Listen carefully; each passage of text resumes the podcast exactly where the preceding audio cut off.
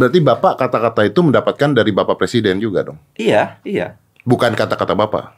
Iya dari presiden. Ini anggap aja virus flu biasa gitu. Karena orang mati karena flu tahu jauh lebih banyak lebih ini. Oleh sebab itu corona ini harus dihadapi dengan tenang saja. Hukum itu tidak boleh takut pada Luhut, tidak boleh takut pada Didu, saya bilang. Hukum harus berjalan, hukum ya hukum. Five, four, three, two, one, close the door. Pak, gimana Pak? Baik kabarnya Pak, pusing Pak? Alhamdulillah pusing. Pusing lah ya. Pusing dalam pengertian terlalu banyak alternatif kebijakan yang satu sama lain tidak sinkron. Kenapa Pak bisa tidak sinkron? Ya Kenapa? biasalah ma- masyarakat kan kalau kita taruhlah kalau sekarang dalam situasi apa pun dalam penegakan hukum misalnya sama kata satu kelompok masyarakat ini harus begini kata yang satu begini sementara harus ada yang ngambil keputusan Mm-mm. Dan mengambil keputusan untuk kita termasuk soal COVID-19 sama saja kan. Mm-mm. ada yang usul begini ada yang tidak setuju ini setuju. Nah kalau kita eh, terombang-ambing oleh itu gitu oleh ke oleh perbedaan-perbedaan di tengah masyarakat dengan berbagai kepentingannya. Memang kepentingan masyarakat tuh ada yang tulus ya ingin keselamatan publik ada yang memang punya motif politik ada yang punya agenda pribadi agenda bisnisnya sendiri agenda macam-macam kan Pasti. Nah, dan kita pemerintah harus mengambil keputusan. Nah, dalam keadaan begitu bisa dikatakan pusing untuk mengambil keputusan itu. Tapi yang sampai menyebabkan bahwa itu kita putus asa Tidak. atau stres berlebihan juga enggak. Pusing itu dalam arti kita harus bagaimana mengatur ini agar kita bisa mengambil keputusan yang paling mendekati. Paling mendekati. Oke, tapi masyarakatnya kan juga pusing Pak kalau dibilang gitu. Karena masyarakatnya kalau melihat keputusan-keputusan dari atas Pak, Iya. beda-beda terus Pak. Apakah tidak bisa satu keputusan dulu baru nyebar di media gitu Pak? Nah itu dia, itu dia. Kadangkala sesuatu sekarang ini kan begini ya, Mas Dedi, sesuatu yang eh, masih menjadi wacana pembicaraan tuh kadangkala udah bocor di masyarakat. Bocornya bukan dibocorkan oleh pejabat. Kadangkala kan seperti zaman sekarang ini kita pakai virtual rapatnya. Itu kan bisa bocor ke mana-mana. Pejabatnya masing-masing di rumah ada yang nemene, kemudian mungkin ada sebuah teknologi yang nyadap lalu bocor. Nah ketika ini sudah mulai bocor, muncul pertanyaan. Lalu pejabat yang bersangkutan kadang-kala lalu menjelaskan kan dalam keadaan gelagapan gitu berbeda-beda.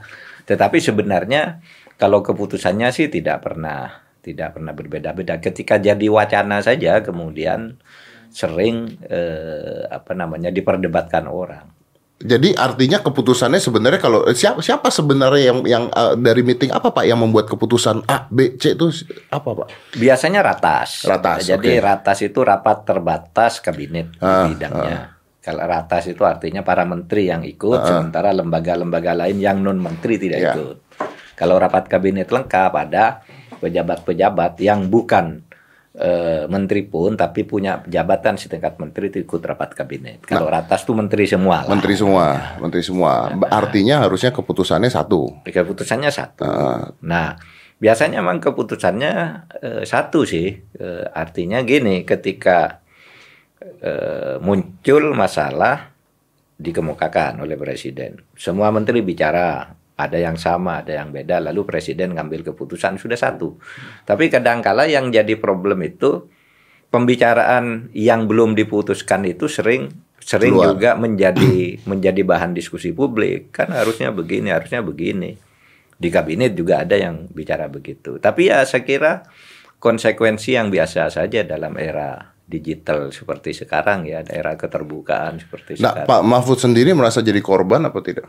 Oh enggak. Enggak. enggak. Ya artinya apa? Mungkin ya sih menjadi korban dari kesalahan tafsir, kesalahan informasi, tetapi saya sendiri merasa ya sudah ndak, ndak apa-apa, tidak terlalu mempermasalahkan orang mempersoalkan itu. Karena pada akhirnya, pada akhirnya itu orang akan mengerti oh iya gitu. Saya saya beri contoh. Ketika saya bicara soal relaksasi, kok ramai serangan dari mana mana gitu. Ah, Oh, Anda mengatakan relaksasi PSBB harus Oh dilakukan. Iya, harus dilakukan. Nah, tapi sekarang orang sudah banyak yang mengusulkan itu loh. Berbagai dunia sekarang sudah mengusulkan. melakukan itu. Tapi relaksasi Dan PSBB sekarang sudah banyak orang kita juga yang mengusulkan itu diam-diam ini enggak bisa begini Betul, terus, betul. gitu. Saya Iya kan? setuju, Pak. Saya Iya. sangat setuju dengan Anda. Iya. Tapi ide relaksasi itu dari Bapak murni atau sudah keputusan dari semua eh, pemerintah? Itu istilah relaksasi saya dari saya. Oke. Karena artinya pengendoran, pelonggaran. Tapi substansinya itu presiden ngajak diskusi. Ini kita harus berdamai dong dengan eh, corona. Artinya apa? Kita kan tidak pernah tahu corona ini kapan berakhir. Ya. Masa kita mau bersembunyi begini terus? Bagaimana kalau kita keluar, hidupkan ekonomi, kehidupan sosial, politik, masyarakat hidupkan, tapi Tetap hati-hati. protokol, Ya. protokol COVID-19-nya Ya. tetap diatur sehingga kita membuat istilahnya new normal life. Ya. Iya, misalnya nggak bisa lagi kalau dulu saya ketemu Mas jadi begitu senangnya ya Wah, salaman pelukan. dulu kan. Ah. Sekarang nggak boleh. Oke. Dengan begini dari jauh Iya. pakai masker Iya, itu iya. akan menjadi pola kehidupan baru kita ke Itu yang dicanangkan. Iya. Iya. Berarti Bapak kata-kata itu mendapatkan dari Bapak Presiden juga dong. Iya, iya. Bukan kata-kata Bapak.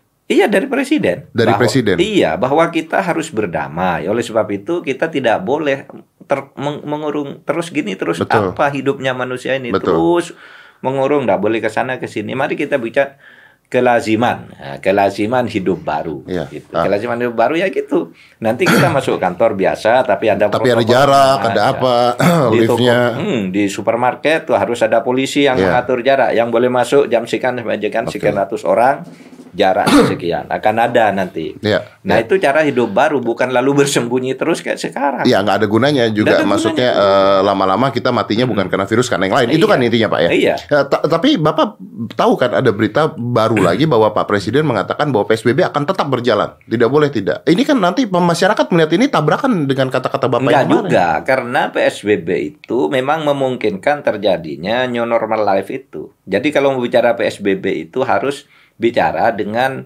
eh, peraturan Menteri Kesehatan nomor 9. Di situ memang eh, kehidupan ekonomi diatur sedemikian rupa. Tetapi kemudian di dalam praktek itu untuk tahap-tahap awal kan orang berbeda-beda. Ada yang sangat keras Iya. tapi di satu Ah. tempat tidak gitu.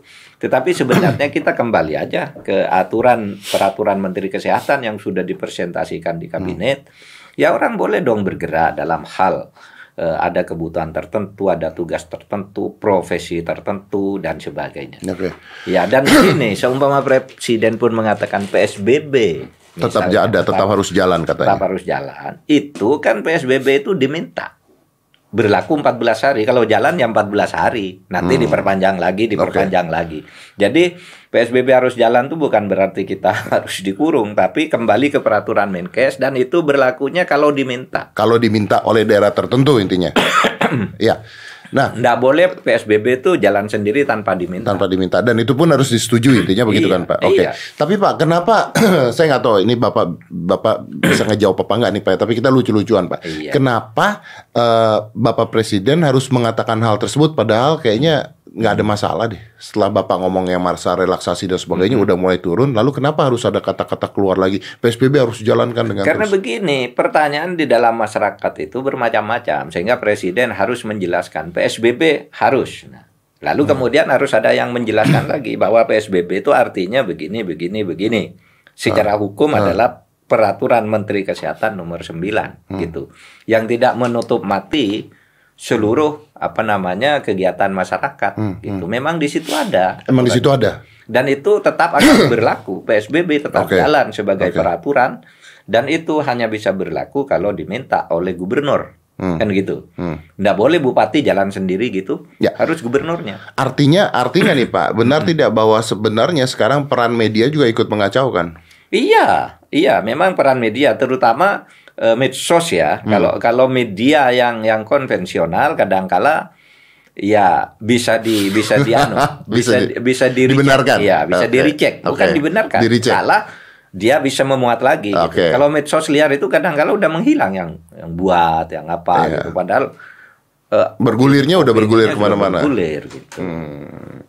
Ya, ya, ya, ya, jadi masalah baru. Nah, Pak, eh, tapi kalau ngomong, apakah memang kita itu semuanya pusing? Karena pusingnya begini, Bapak tahu kan, Bapak tuh sempat jadi meme loh, Pak. Ya. Ketika Bapak eh, mengatakan ini heboh banget ketika Bapak dulu mengatakan bahwa kita itu itu keluar meme ya, kita itu tidak ada COVID itu bulan Februari. Mm-mm. Terus udah gitu bulan Mei Bapak mengatakan bahwa Indonesia sebenarnya sudah menangani dari bulan Januari. Iya, iya. Nah, ini kan dua hal yang berbeda, Pak. Ini hoax atau apa nih, Pak? Nah, Bukan, saya kata, bukan katakan tidak ada COVID. Saya katakan sampai hari ini Hmm. 29 Februari itu belum ada COVID dan itu jurnal internasional yang muat Duni- apa namanya koran internasional memuat Indonesia satu-satunya negara Asia ya terbesar dan negara Asia besar yang belum dimasuki COVID itu tanggal 29 Februari Hmm. gitu. Maka jadi saya ngomong Bapak, hari Bapak itu. mengatakan itu berdasarkan sebuah data. Iya. Oke. Lalu saya tanyakan di mana ada kasus itu kan tidak ada. Memang sampai hari itu. Baru tiga hari kemudian tanggal 2 ditemukan kasus Satu. pertama Heeh. kan gitu. Nah begini, saya, saya ingin jelaskan tadi. Akhir Januari itu kita memang sudah rapat. Rapatnya itu dimuat oleh koran bahwa Indonesia menutup penerbangan dengan RRT dari RRT ke Indonesia bukan Indonesia ke RRT. Pada waktu itu keputusannya itu bulan Januari tanggal 28. Hmm. Karena itu akhir pekan dimuat Seninnya Hmm. berita itu. Tapi disebut bahwa keputusan rapat kabinet hari itu. Itu bulan Januari masih lama belum ada. Kemudian tanggal 4 Februari presiden meminta saya Hmm.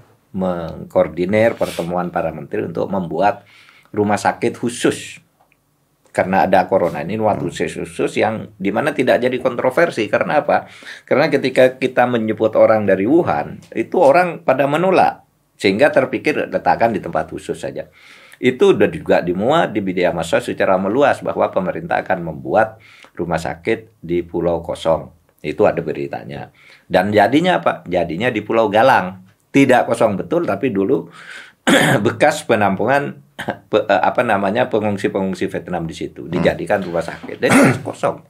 Oke. Oke.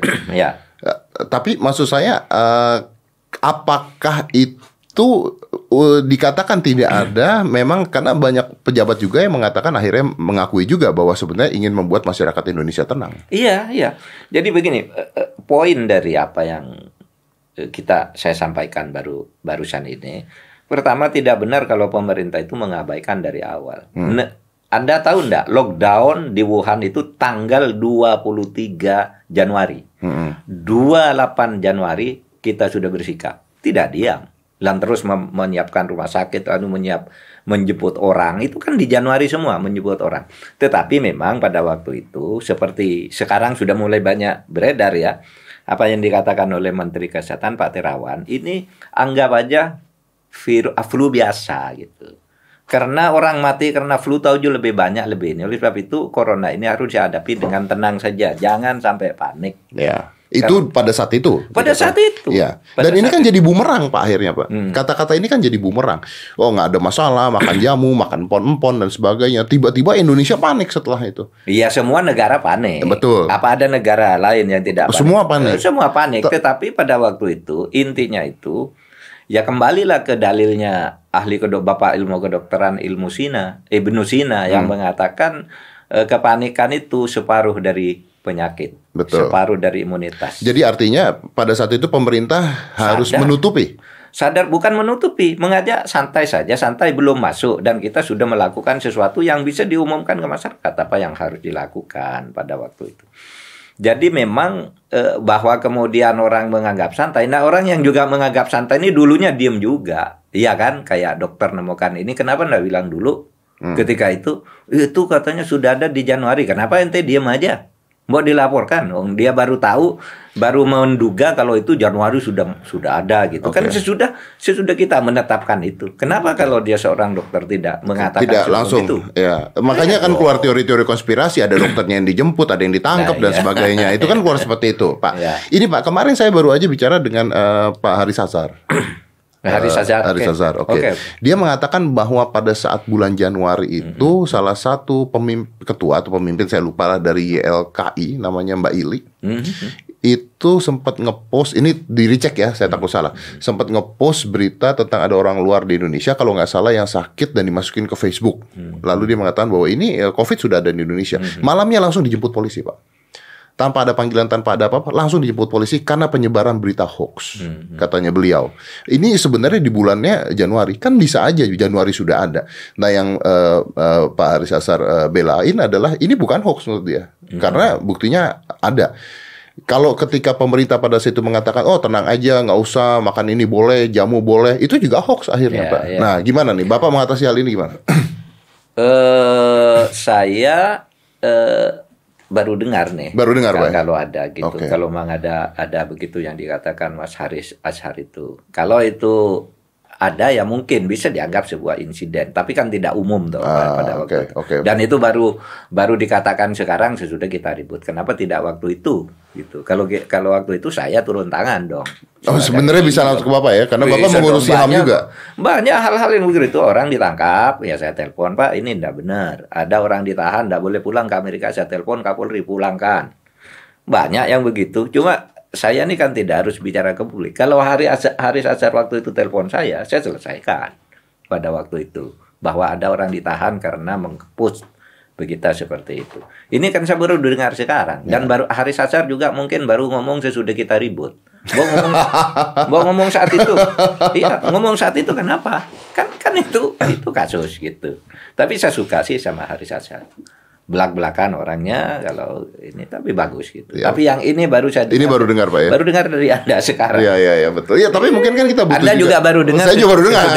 saya juga baru dengar. Saya juga baru dengar. Eh, dengar harusnya dia bilang dulu dong ke saya telepon lah dia teman saya Pak ini ada orang ditangkap itu sama dengan anak siapa itu yang ditangkap terus ada anak-anak LSM datang Pak ini kok ditangkap karena buat berita ini saya telepon apa benar ini akhirnya keluar juga. Nah artinya hoax seperti apa yang sebenarnya boleh ditangkap? oh hoax yang jelas-jelas begitu kalau begitu hoax seperti itu memang belum ada di- dipanggil aja dulu diperiksa lalu dipulangkan kan enggak, apa-apa itu biasa lah Tapi kan Boleh. menurut data kepolisian sudah ada kalau tidak salah berapa 80 atau 40 yang ditangkap karena menyebarkan hoax COVID-19 ini, Pak.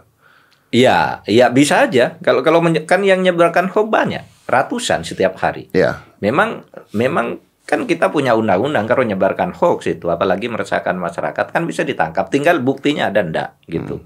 Sekarang ini kan nggak banyak orang eh, sering mengada-ada juga dalam banyak kasus. Menurut saya ya silahkan aja gitu. Ya, ya. Eh, polisi bertindak sesuai dengan aturan. Tapi kalau tidak sesu- sesuai aturan gitu, eh, eh, misalnya pakai pungli, pakai nakut-nakuti, mengkriminasi kriminasi orang, kriminalisasi secara berlebihan, saya bisa bisa turun tangan. Karena Kapolri kita itu Pak Idam Asyid orangnya sangat aspiratif. Setiap ada apa-apa saya tanya, lalu dia selesaikan saat itu juga Saat dan itu dia juga. lapor. Misalnya ke- kemarin nih, dua minggu lalu, saya dapat laporan Bupati Anambas dituduh korupsi padahal dia menolong rakyatnya dan dia merasa ikhlas. Masuk ke saya laporan itu. Saya tanya ke Kapolri, kok ada bupati begini?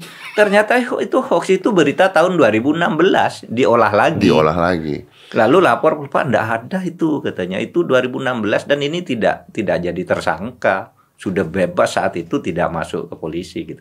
Nah, berita hoax kayak gitu sekarang banyak. Berita tahun 2016 Dibawa diberi lagi, tanggal baru, lagi. diberi tanggal Diberi tanggal baru, baru. dilaporkan ke saya. Saya tegur Kapolri, eh, saya, saya telepon Kapolri, saya kabaris krim saya tanya, masa ada kasus begini? Seorang bupati menolak seorang pekerja eh, asing masuk pada saat itu 2016. Oh, itu dijadikan berita baru seakan-akan Anda Iya. mendukung orang asing untuk masuk lagi ke Indonesia. Iya, gitu. Oh, itu dia. Itu eh, apa tujuan mereka ngebuat itu ya? Ya enggak tahu. Enggak tahu ya itulah yang hoax. Iya, itu iya. yang Tapi, enggak, kan. tapi kan secara psikologi, Pak, orang pasti punya tujuan dong bikin itu, Pak. Mak, masuk gue iseng tiba-tiba, ah ada berita Iya, nih iya. Pak Mahfud gue kerjain. Ini Itu- nggak mungkin dong, Pak. Iya, Ngapain orang begitu? Nah itu mungkin mau menumpang berita-berita yang sekarang bahwa tenaga kerja asing masuk. Misalnya kemarin itu ya hoax itu misalnya, ada tenaga kerja asing masuk 500 sekian orang dari Cina. Itu sampai hari ini enggak ada. Per hari ini kita ngomong nih, Ah, enggak ada. Itu memang ada rencana mm. akan masuk tapi nanti karena apa di dalam kontrak kerja untuk proyek itu disebutkan setiap eh, pekerjaan ini perlu teknisi dari luar di dari dari negara di mana Iya, iya, iya, iya, betul, betul, ya. betul. Tapi Tetapi- sampai detik ini belum masuk. sampai ini saat ini kita bicara belum masuk nah, dan itu perjanjiannya itu visa kerja bukan visa turis Nah, visa kerja itu bayar. Hmm. Satu. Dan setiap satu pekerja asing itu harus membawa 10 pekerja lokal. Nah, tapi dari mana sih ada berita eh, tenaga kerja asing itu masuk Indonesia? Kok bisa kesebar ke mana-mana? Memang apakah itu disebar ke media gitu, Pak? Lah iya kan? Ka- Kan ada di di medsos kan banyak ada foto. Ini Ya dari mana itu, Pak? Lah ya itu kan sudah orangnya kan sudah dianu kan orang yang yang me- menyebarkan pertama itu kan sudah dipanggil ke polisi itu apa foto lama berita lama lalu di, seakan-akan terjadi pagi ini ini kita ngelarang orang masuk ribuan Tiba-tiba sudah ada orangnya. Ya, ada. Nah yang begitu hoax kan, itu itu merisaukan.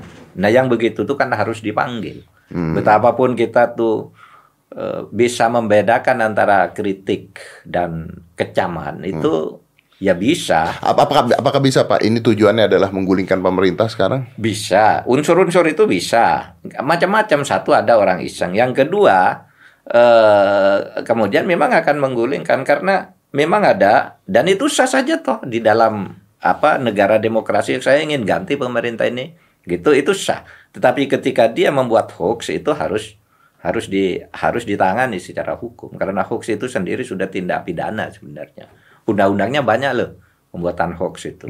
Tahun 1946 kita sudah punya undang-undang. Barang siapa yang membuat berita bohong itu ancamannya 10 tahun. Lalu ada undang-undang ITE di zaman sekarang. Juga ancamannya bisa enam tahun gitu hukumannya. Lalu yang ringan ada di KUHP bisa setahun bisa tujuh bulan gitu. Yang berita-berita yang apa yang yang ringan-ringan. Tapi sekarang udah ancamannya berat jangan main-main menurut saya. Karena itu merusak kehidupan Artinya masyarakat. tidak ada kebebasan yang absolut.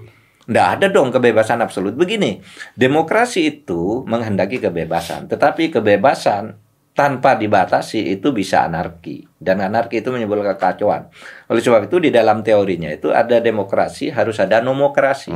Demokrasi itu kedaulatan rakyat, nomokrasi itu kedaulatan hukum. Itu harus sejajar, bersinergi. Tidak bisa kita atas nama demokrasi lalu orang seenaknya itu dibiarkan.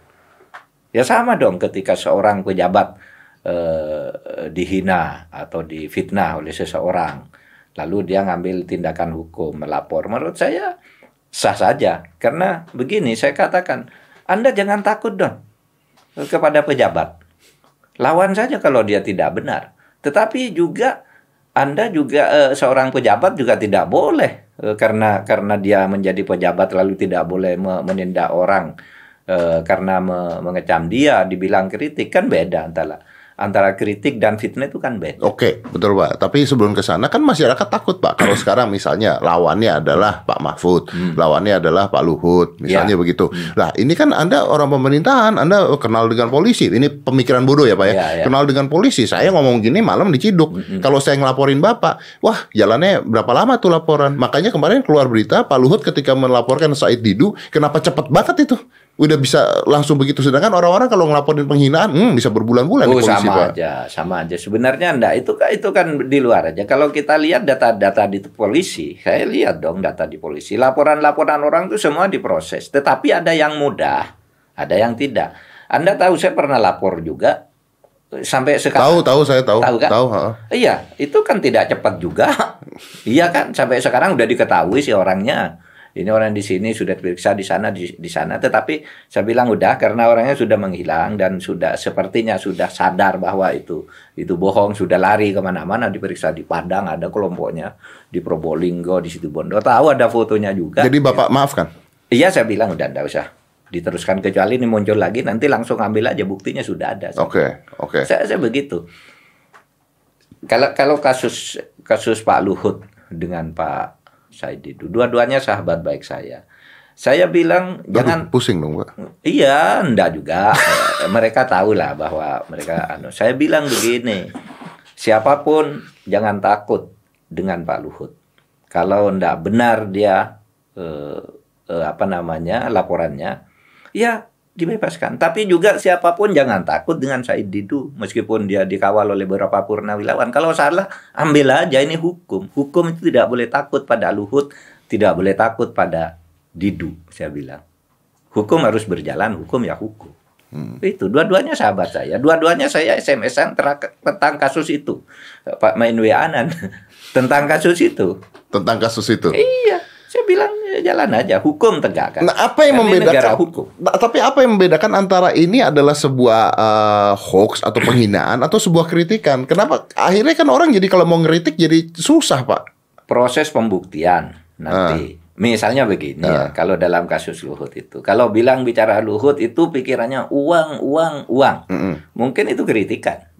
Tapi ketika dikatakan Luhut itu memaksa Sri Mulyani untuk menyediakan dana ibu kota baru, nah itu jadi masalah. Karena Bukan ada kata-kata kritikan. memaksa. Ada kata memaksa kapan di mana? Penganggarannya juga tidak ada kan tahun 2001 tidak ada anggaran ibu kota baru. Dari mana masuknya? Misalnya, mungkin Didu benar. Nah, kebenaran itu harus Buktikan. dibuktikan di kantor polisi nanti. Gitu aja kalau saya. Itu sahabat saya baik-baik sama saya hampir tiap hari wa Nah, Pak, kalau misalnya orang ngatain eh, kan kita sempat ngomong tuh penghinaan terhadap presiden sebenarnya tidak ada adanya kalau pribadi dan sebagainya. Kalau misalnya orang ngatain seorang pejabat gitu, Hmm. itu ditangkap nggak?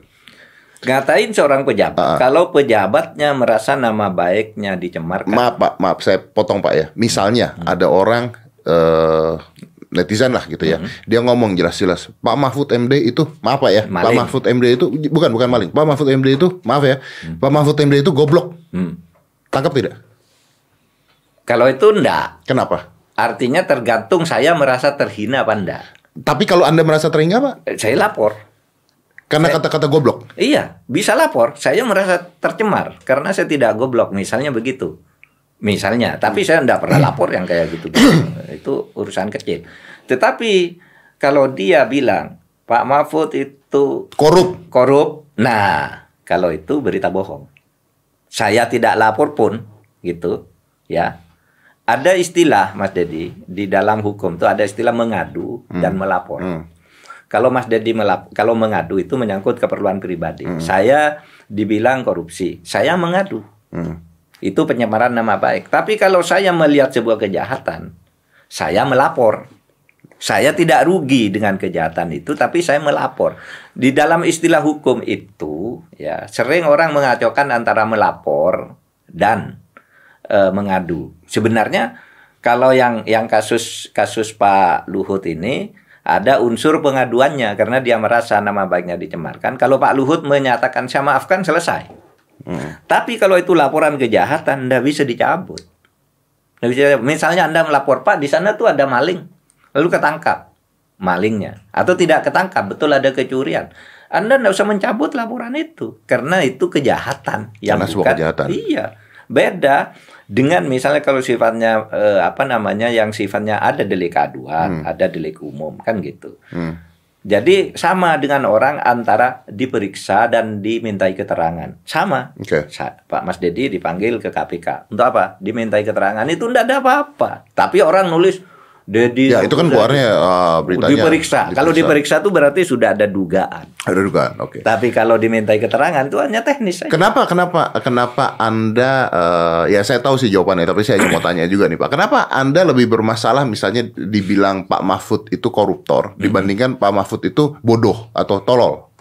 Begini, kalau kalau Kan saya merasa sebenarnya kan eh, lebih kalau secara individu kalau manusia biasa kan lebih menyakitkan dikatain gitu, Pak. Enggak. Bagi saya orang bilang tolol itu kan relatif. Nanti suatu saat saya lapor kamu memang tolol di bidang ini, jadi masalahnya panjang. Apa-apa. Tapi kalau koruptor, Iya iya iya ada ukuran hukumnya, ada ukuran hukumnya. Tapi bener ya, Iya bener kan? ya. Kalau Kamu kalau misalnya saya bilang Pak Mahfud tuh bodoh, Bodoh. begitu dilapor saya bilang, oh iya dia bodoh di bidang musik gitu. Iya, iya, bisa aja kan. Bisa ribetnya panjang Bisa gitu. ya. ribet panjang. Tapi kalau koruptor, Koruptor ada ukuran hukumnya, merugikan uang negara, memperkaya orang lain atau diri sendiri dengan cara melawan hukum. Nah, itu koruptor. hmm, Buktikan itu. kan gitu. ya ya ya ya ya, ya jadi Gitu. jadi jadi beda ya Pak ya. Iya. Mbak Mahfud itu sombong gitu. Gimana saya mau melapor? Kamu memang sombong kemarin ketemu ini ndak ndak ngomong selalu ketemu itu ngomong kan gitu kan susah mengukurnya kan. Iya, iya. Tapi kalau Buang-buang waktu. buang waktu, kalau kata-kata koruptor memang udah ada Iya. jelas dan sebagainya ya. Mahfud mencuri gitu. Mahfud itu merampok gitu. Itu ada ukuran hukum ya, ukuran objektif. Nah tadi kalau ada orang Pak bilang Pak Mahfud itu mencuri gitu. Hmm. Bapak laporin? Laporin. Terus saya bilang mencuri hati gimana Pak?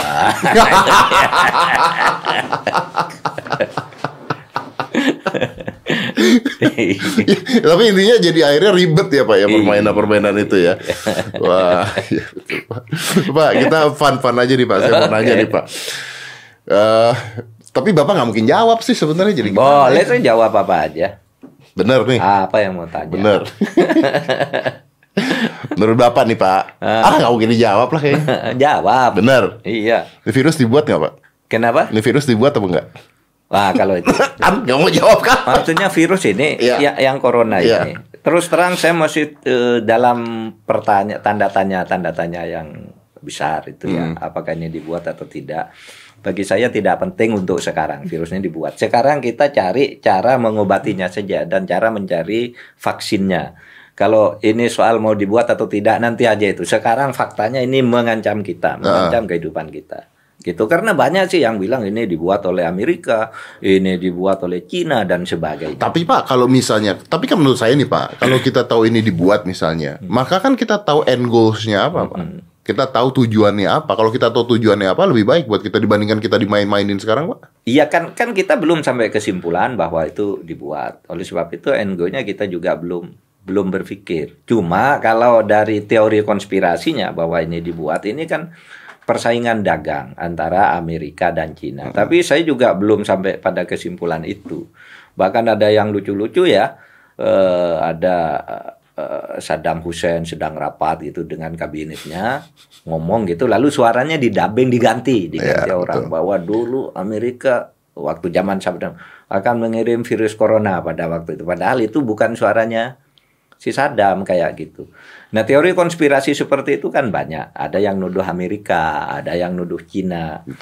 Yang pada kesimpulannya sebenarnya persaingan dagang antara keduanya. Tapi bagi saya tidak penting. Tidak penting. Sama dengan pertanyaan apakah virus ini kutukan dari Tuhan ataukah ini ujian dari Tuhan? Tidak penting. Sekarang Ada jawabannya. Jawabannya satu. Kalau itu kutukan dari Tuhan ya jawabannya orang harus bertakwa. Kalau itu pun ujian orang jawabannya harus takwa. Kan ada sama. bedanya, betul, betul. Ada bedanya. Iya, betul. Kenapa berdebat kayak Mau gitu? ini dibuat, sekarang? mau ini nggak dibuat, Oh, ya iya. kita harus eh, menyembuhkan gitu kan.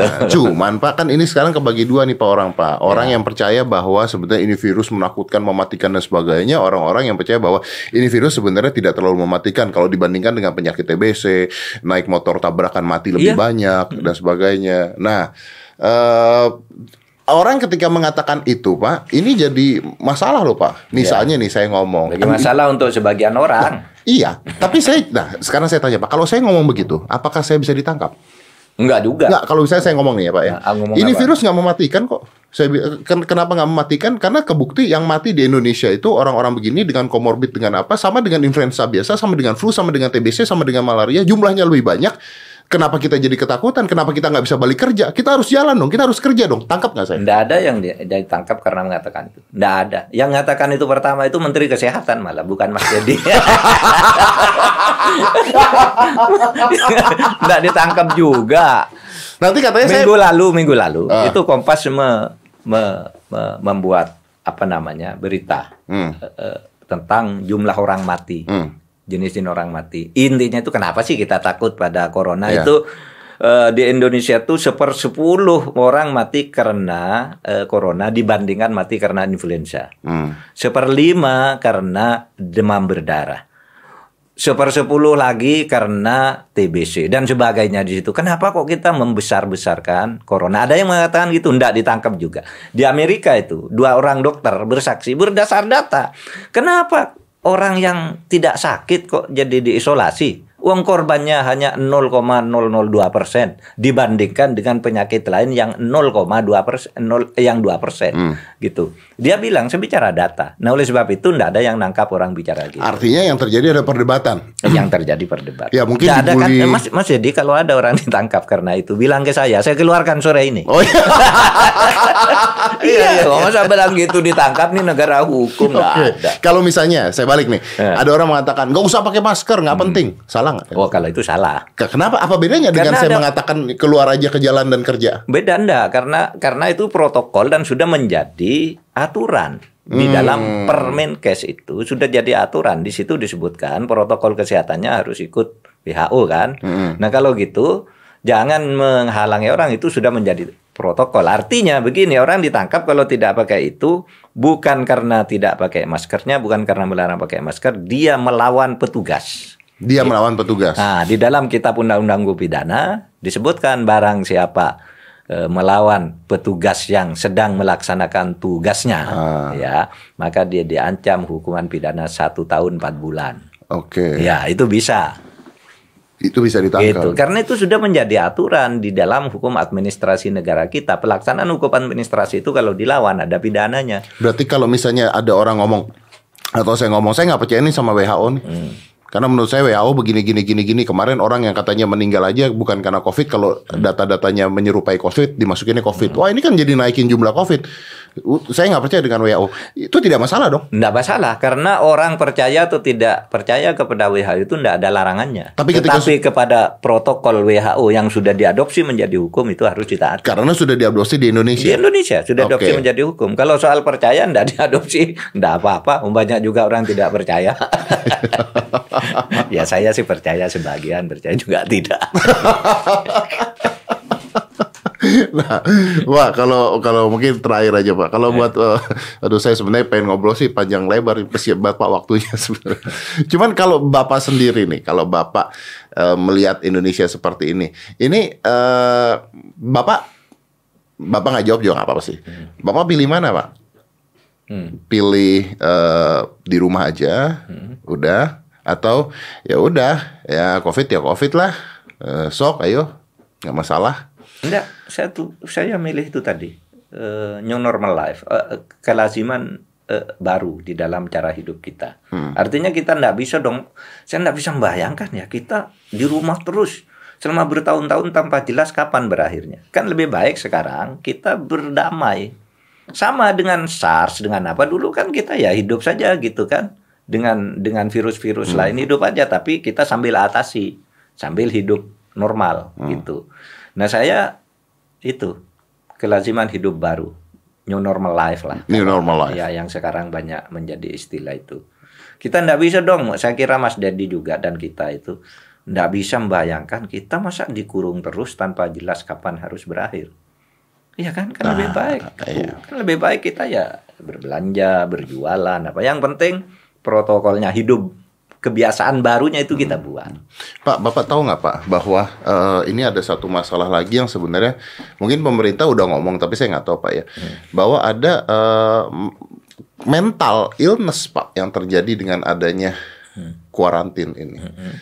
Eh, saya dulu setuju dengan lockdown kalau misalnya baru di lockdown sebulan udah gitu tadinya gitu. Tapi begitu udah telat lockdown ya sekarang kayaknya dan kita lihat yang mati berapa yang apa berapa eh, ini ada mental illness ketika seseorang tidak ada kerjaan di rumah terus seminggu dua minggu nggak apa-apa pak Ya, dua bulan pak dua bulan. KDRT bisa naik Ya, penggunaan obat psikotropika obat-obat tidur bisa naik makanya kemarin Roy Kiyoshi ditangkap psikotropika iya ya betul. Iya, tapi media ngomongin narkoba semua. itu Iya, juga saya iya, mau iya. komplain dengan media itu bukan narkoba itu, itu dia, psikotropika itu makanya. Nah, ini kan akhirnya ada korban lagi nih, Pak. Hmm.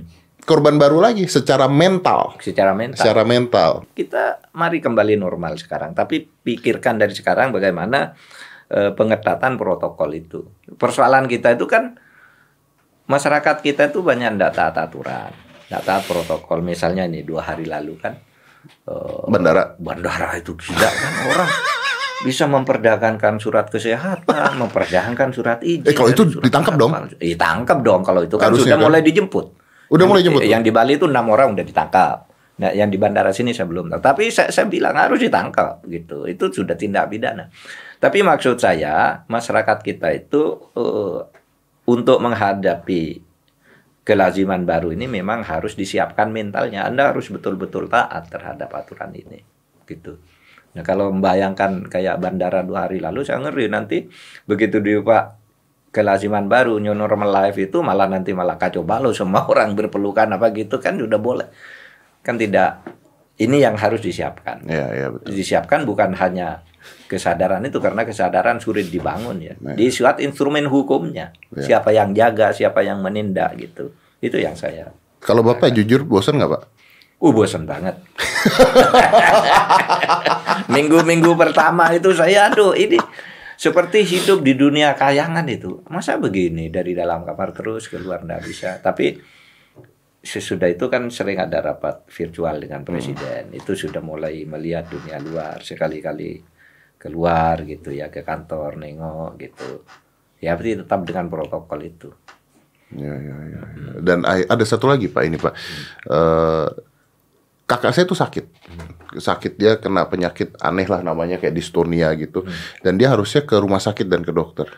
Dan kemarin dia nangis-nangis sama saya karena dia merasa kesakitan sekali tapi jadi takut ke rumah sakit. Hmm. Dan dia nggak mau ke rumah sakit karena takutnya ini. Ya gitu. Nah akhirnya pak, ini bisa aja pak orang-orang ini yang di, yang sudah tua atau yang yang tua yang punya penyakit dan sebagainya, amit-amit pak bisa aja meninggal akhirnya karena takut untuk ke rumah sakit. Karena takut ke rumah sakit bisa Iya. jadi. Karena dokter-dokter juga suka udah eh, yang praktek udah jarang. Iya, Akhirnya meninggal bukan karena covid, meninggal karena penyakit lain yang tidak Iya. diatasi oleh kedokteran. karena takut juga. Karena takut juga.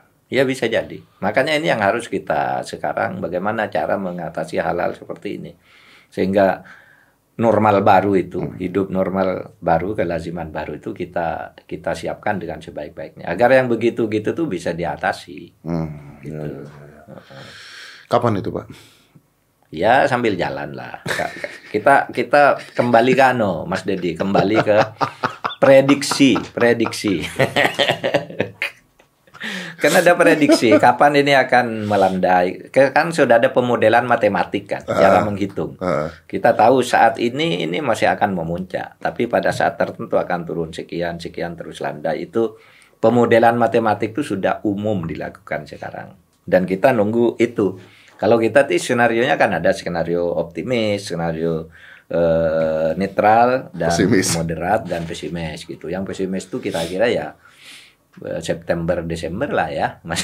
waduh, waduh. Tapi yang yang moderat itu sekitar bulan Juni Juli Bulan Juni Juli. moderat. Yang optimis sekarang ini akhir bulan ini kan Mei selesai katanya. Itu yang optimis. Itu yang Ya optimis. kita lihat aja lah. Oke. Kita ancang-ancangnya di moderat. Juni. Berarti Juni Juli. Juni Juli. Oke pak. ya, mudah-mudahan Cukup ya? Cukup pak. Mudah-mudahan saya bisa ngobrol lagi sama bapak. Tapi bahan bahas yang lain ya pak ya. Kalau udah ini nggak ada lagi pak. Aduh, eh, ternyata eh, Pak Mahfud ini enak sekali diajak ngobrolnya, diajak ngomongnya, semuanya dijawab luar biasa. Iya dong saya jawab. Seumpama termasuk kalau jawabnya saya enggak bisa jawab kan bisa. Iya, iya benar benar benar benar benar. Dan nggak muter-muter jawabnya Pak, enak Pak. Jadi Kalau muter-muter pusing penontonnya Pak. Tapi sebelumnya saya mau nanya yang paling penting dulu, Pak. Bapak itu pernah ketahuan ternyata ngeprank eh, satu Indonesia loh Pak. Apa itu? Dengan berpura-pura ngeprank eh, anak Bapak sampai dikasih susu sama dosen Oh iya. gara-gara dipikir anak orang miskin Pak. Iya betul. di, di UNER. Anak saya tuh satu kuliah di UGM, eh, yang dua di UGM tapi kemudian spesialisnya ambil di UI, yang satu yang perempuan di UNER. Kedokteran, Ah, yang, ah. sa- yang satu Betul. hukum, yang dua kedokteran. Terus Vina atau? Vina, Ah, ya. Saya, tunggu- saya cerita dulu. Oke. Jadi anak beliau ini sama dosennya itu Hmm. hampir sering banget dikasih susu karena dipikir anak orang tidak mampu. Iya betul. Iya dan betul. dan dan eh, Vinanya tidak mau mengakui bahwa anaknya Pak Mahfud. Hmm. Jadi sampai kelulusan dosennya tetap berpikir itu anak tidak mampu sampai bapaknya datang. iya betul. Kok, kok Anda bangga? Kok Anda bangga? Nggak, saya bilang pada anak-anak saya, saya ini ketua MK dan ketua MK itu dianggap waktu itu pejabat tinggi dan sangat berpengaruh. Oleh sebab itu kamu nggak usah ngaku-ngaku. Nanti orang akan terpengaruh, dosennya terpengaruh, orang lalu bersikap lain. Jadi tidak alami pergaulan. Saya bilang gitu. Oleh sebab itu juga anak saya itu waktu itu ya tahun-tahun eh 2008 ketika kuliah ndak saya kasih anu juga ke- kendaraannya sepeda motor butut aja juga. Jadi Itu jangan- sengaja Pak, iya sengaja saya. Supaya dipikir orang eh, iya biar tidak menarik perhatian kamu anaknya siapa anu apa dari mana gitu. Kamu ndak usah bilang aja bahwa bapakmu ketua MK gitu. Oh. yang tahu waktu itu hanya dekan dan rektornya karena saya bilang tapi jangan diberitahu. Dosennya nggak tahu. dosen-dosen lain enggak Jadi, Nggak jadi tahu. Anda dan anak Anda ngeprank dosen dong. Iya begitulah. iya, lucu loh itu. Sampai dikasih anu setiap lewat tuh, "Duh, kamu kok seperti kurang gizi katanya. Kasih susu, dikasih roti nih gitu. Udah itu anak lapor biar nanti saya anu dia bilang sesudah anu itu terus saya undang makan ya. Iya betul, malamnya Bapak udah makan. Iya. Undang makan, saya beritahu terima kasih ya bapak sudah bantu anak saya kuliah. Kan, siapa pak putranya? Vina ini. Loh itu putra bapak kan saya tidak tahu gitu. Jadi beliau ternyata sebelum prank-prank ada beliau sudah pernah ngeprank orang-orang dulu. Pak Mahfud terima kasih banyak, sukses kasih, terus Pak, sehat selalu. Yang penting sehat selalu dan Sukses untuk Anda. Tetap menjalankan eh, amanat negara. Ya. Sukses buat Pak Mahfud. Ya. Terima kasih Pak. Five, four, three, two, one, close the door.